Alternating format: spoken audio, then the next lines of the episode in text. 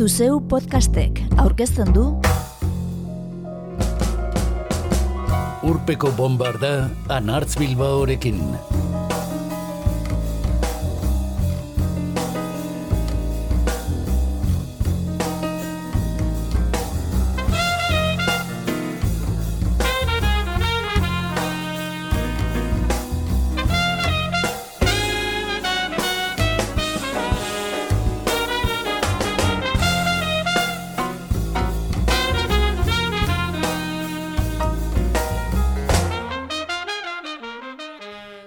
Urpeko bombardan gaur gorkaro starbek jarritako puntuari segika ibiliko gara.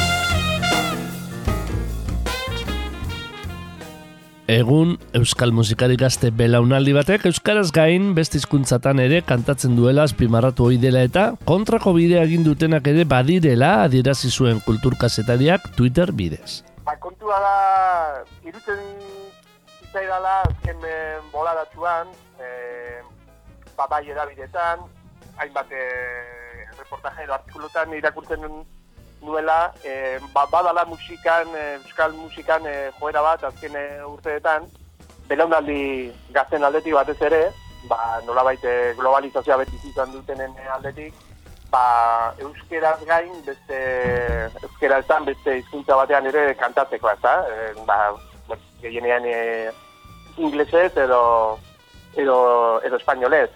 Eta, bueno, e, fenomeno edo joera hori bat ere ukatu, ukatu gabe, segurazki hori ere izango da, eta, bueno, pizan, zertzeko ere izango da. Nabarmendu nahi nun, e, ba, biztelako joeratxuak edo egon badaudela, eta askotan e, ba, bat zerrutzen ditugula, nahi eta nahi gabe ezakit, baina ba, etengabe kritiko izan behar e, horretan, ba, askotan ezkera da oso ba, kontu polit eta interesgarriak izan daitezkenetan, eta esaterako ba, egon, ba, egon badirela, ba, alderantzizko bideare egin dutenak nola bai, ez? E, ba, inglesez edo castellanoz e, abestetik, e, ba, euskeraz abestera igaro direnak.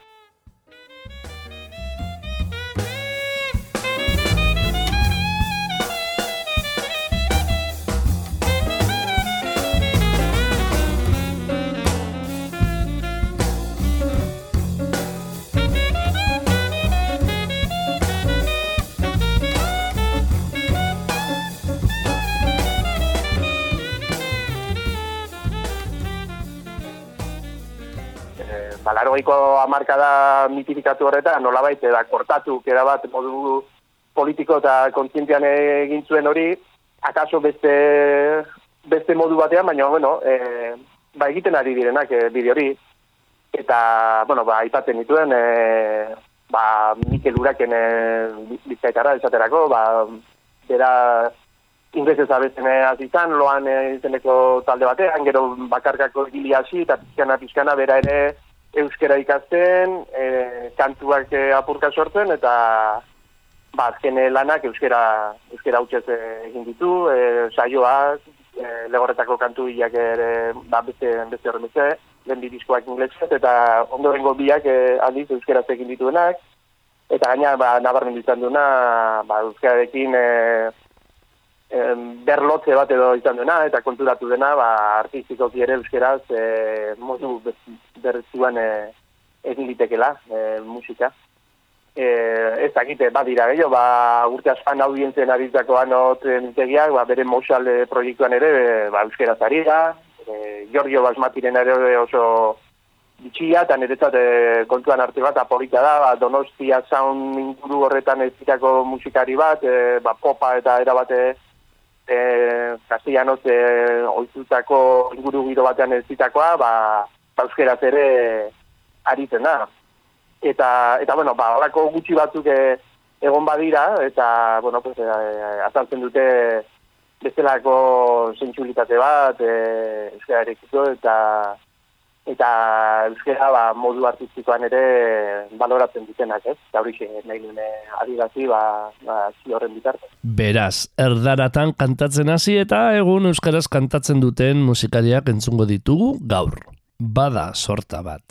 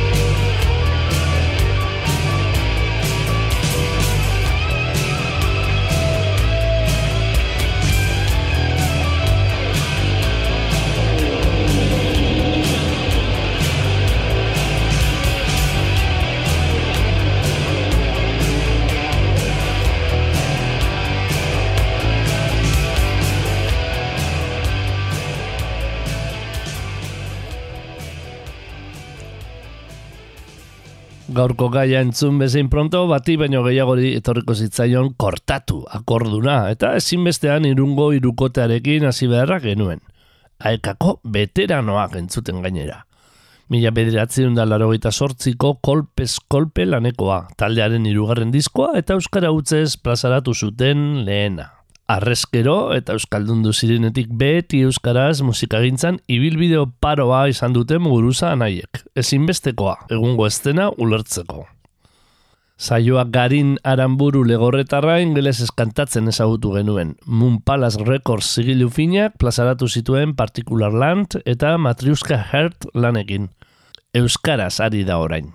2008an natura plazaratu zuen eta iaz ateak autoekoizpenean hau du azken lana. Felix Buff eta Joseba Irasokirekin irukotean emana. Oikoa duen bezala zaratan dirik egin gabe kaleratu du ateak. Dio Andoni Tolosa Morauk saioaren azken lanari egin zion kritikan. Euskal kantu gintzan oin puntetan dabilera adierazita. Azkar sumatuko diozu iritzi dela. Legorretakoak oso estilo jakina baitu, batipat kanta eran, baina baita kantuak egiterakoan ere. Ez, ez da oso akademikoaren kantatzeko modua. Afinazioaren erabilera adibidez ez da oso ortodoxoa. Batzuetan kantatzea bera kosta egiten zaiola dirudi. Beste batzuetan ordea indar izugarri bat somatzen duzu borborka, tonuari maila bat gehitu eta ahotza igotzen duenean. Bai, garrasi egiteko oso modu berezkoa du zaioak, sotila baina indartzua.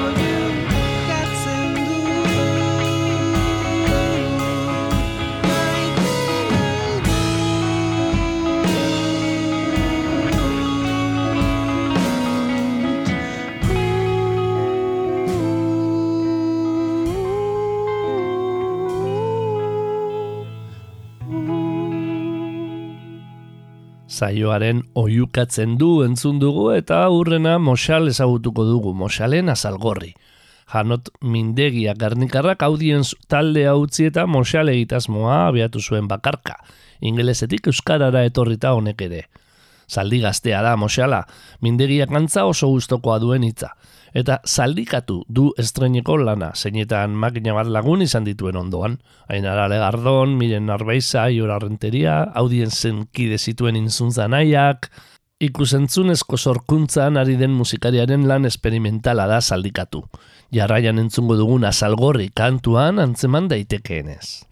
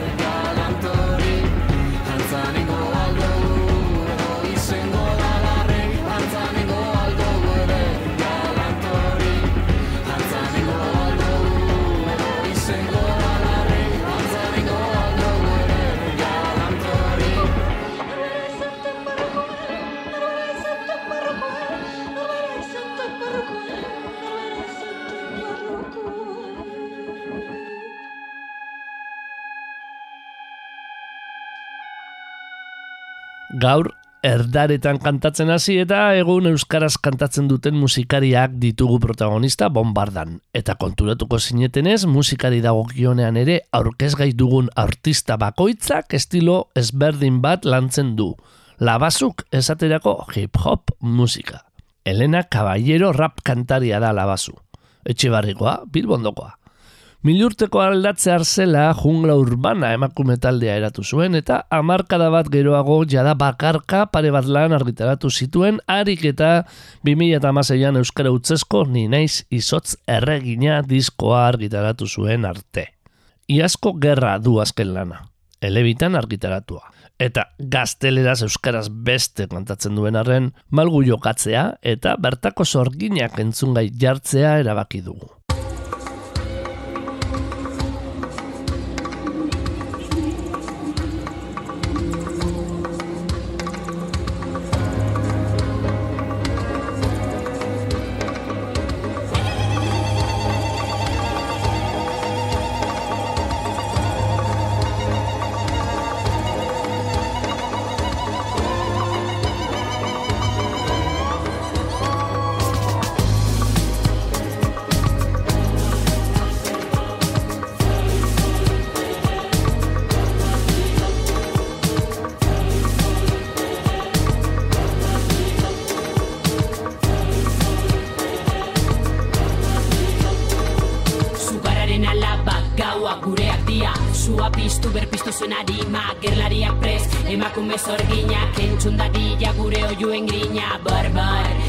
Zain zikinak barbar Gure gorputz gordinak gogor Azkatu makilla zutara bota zuen oroipeniak Errezen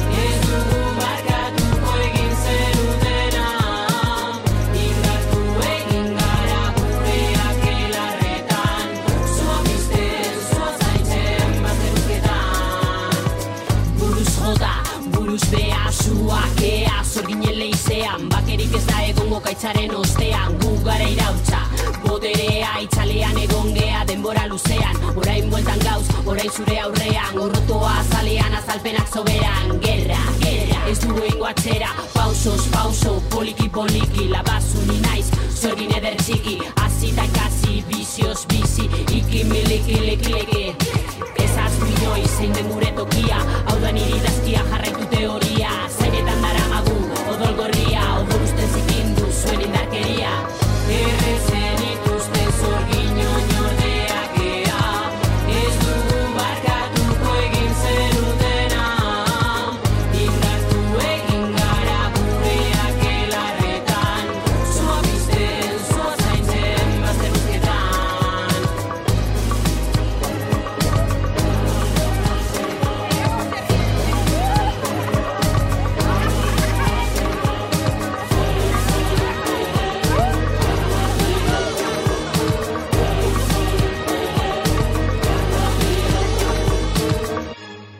Durangoko Mockers Power irukoteak ingelez kantatu zuen 2008ko Beats of Freedom diskoan eta Euskara Utzez eman zuen iazko oreka aula.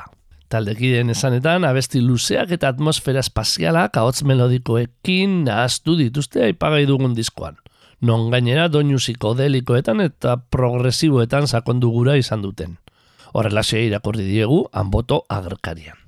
Mokersen oreka aula lan grinatzutik ere bo izango dugu entzungai.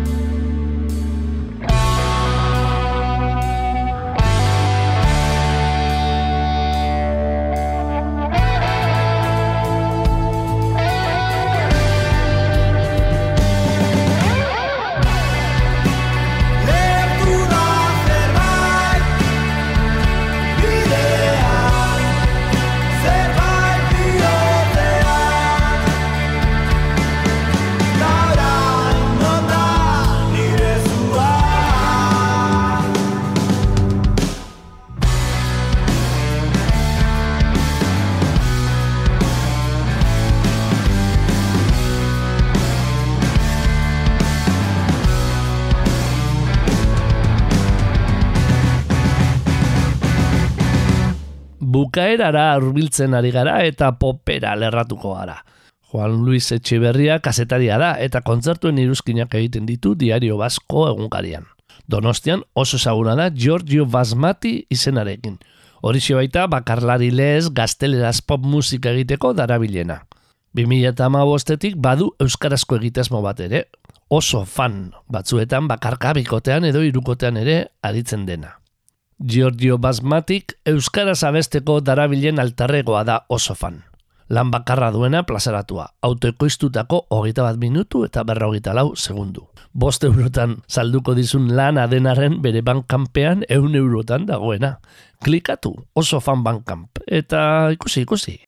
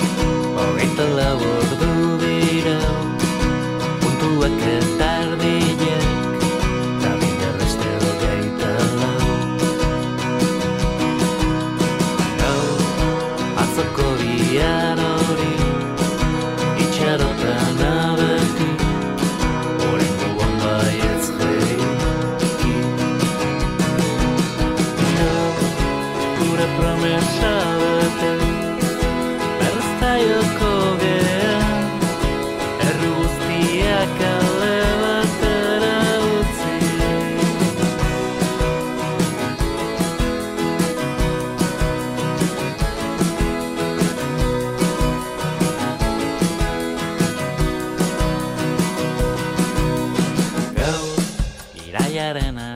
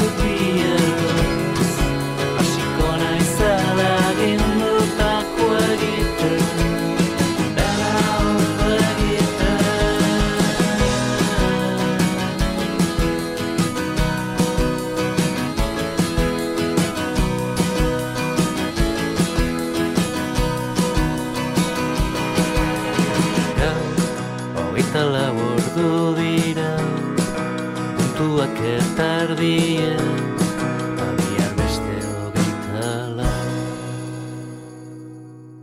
Gaurko bombarda isteko Dr. Deseo ospetzuen kantu bat jarriko dugu eta ez gara hasiko eztabaidatzen ea gaurko saioan kabidarik izan beharko luketen. Jakina da Bilboko taldeak gazteleraz kantatu ohi duela. Mm, Guk dakigula Josi Basujolea da taldeko euskaldun bakarra. Baina urteak daramatza beraien lanetan kanturen bat edo beste euskaraz argitaratzen. Mila bederatzerun laro gerostik lan guztietan gutxienez bat. Eta iaz hori esek bilduta maketoen iraultza plazaratu zuten. Bitxikeriaren bat gehituta Dr. Deseoren euskarazko kantuak gordetzen dituen lana. Francis kantariaren hitzetan Dr. Deseo beti egon izan da emozionalki euskararekin lotua. Taldeak gainera eman izan du Euskara utzesko kontzerturen bat edo beste. Lehena 2008an gazteizen eta baita ba, bergarako kilometroetan ere adibidez 2008an. Maketoen iraultza lanak lauasetaren poema bat musikatzen du, baita Xavier Leteren ni naiz moldatu ere. Guk ordea nahiago izan dugu agur esateko, lanari izenburua ematen dion kantua hautatu. Maketoen iraultza.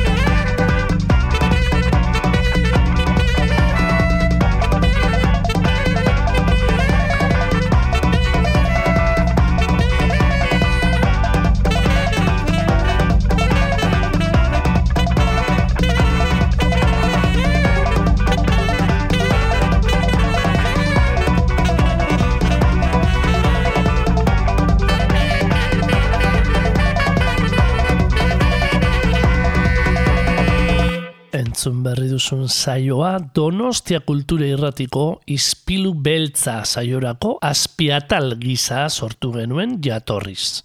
2008ko itxialdian edo. Eta orain berreskuratzea otu zaigu.